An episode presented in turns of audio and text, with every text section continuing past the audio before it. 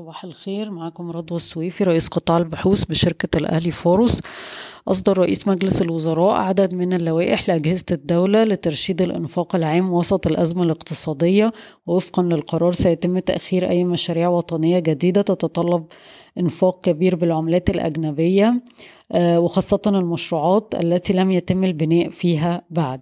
كما أن أي إنفاق بالعملات الأجنبية من قبل الوزارات المعنية والسلطات سيتطلب أيضا موافقة وزارة المالية عليها. آه، لا تنطبق اللوائح الجديدة على عدد من الهيئات بما في ذلك وزارة الدفاع والداخلية والصحة فضلا عن السلطات التابعة لها.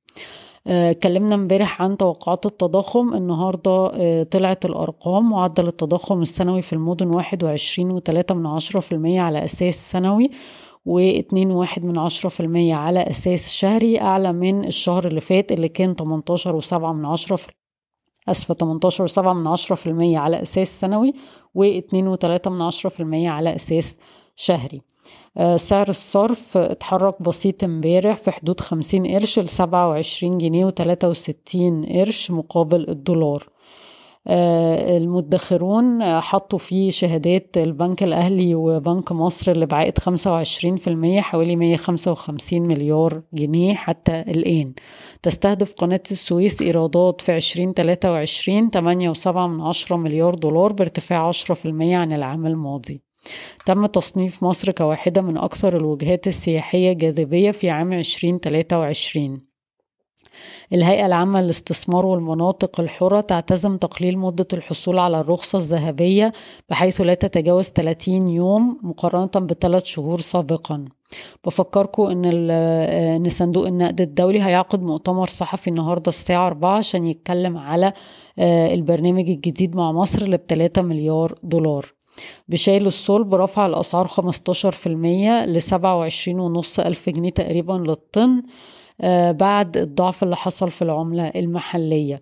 جي بليس أصدرت سندات توريق آه، بقيمة واحد وسبعة من عشرة مليار جنيه مدعومة بمحفظة آه، قيمتها تقريبا اتنين وأربعة من عشرة مليار جنيه.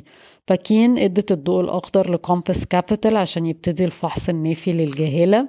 Speed Medical هتناقش بيع حصتها في مستشفى Speed اللي هي تقريبا 80 وربع في المية. آه، في جمعية يوم 2 فبراير. النهاردة التلات هفكركم بأسعار السلع العالمية. برنت عند واحد وتمانين دولار للبرميل نزل ستة في المية عن الأسبوع اللي فات. الفرق بين الديزل وال heavy fuel oil نزل حداشر في المية عن الأسبوع اللي فات وسجل خمسمية سبعة وتلاتين دولار للطن. اليوريا عنده خمسمية دولار للطن نازلة تسعة في المية عن الأسبوع اللي فات. البولي إيثيلين عند ألف ومية دولار للطن ارتفع تلاتة في المية. البولي بروبيلين عند 978 دولار للطن ارتفع واحد في المية. الفرق بين أسعار الحديد وخام الحديد عند 480 دولار للطن ارتفعت ستة في المية. الألمونيوم عند 2265 دولار للطن نزل تلاتة ونص في المية. الأسمنت في مصر عند 1885 جنيه مصري للطن. آه، الفحم آه، البخاري عند 396 دولار للطن آه، نزل 2% اللبن البودرة عند 2840 دولار للطن نازل 4% وأخيرا زيت النخيل الخام نزل 2.5% عند 930 دولار للطن. بشكركم ويوم سعيد.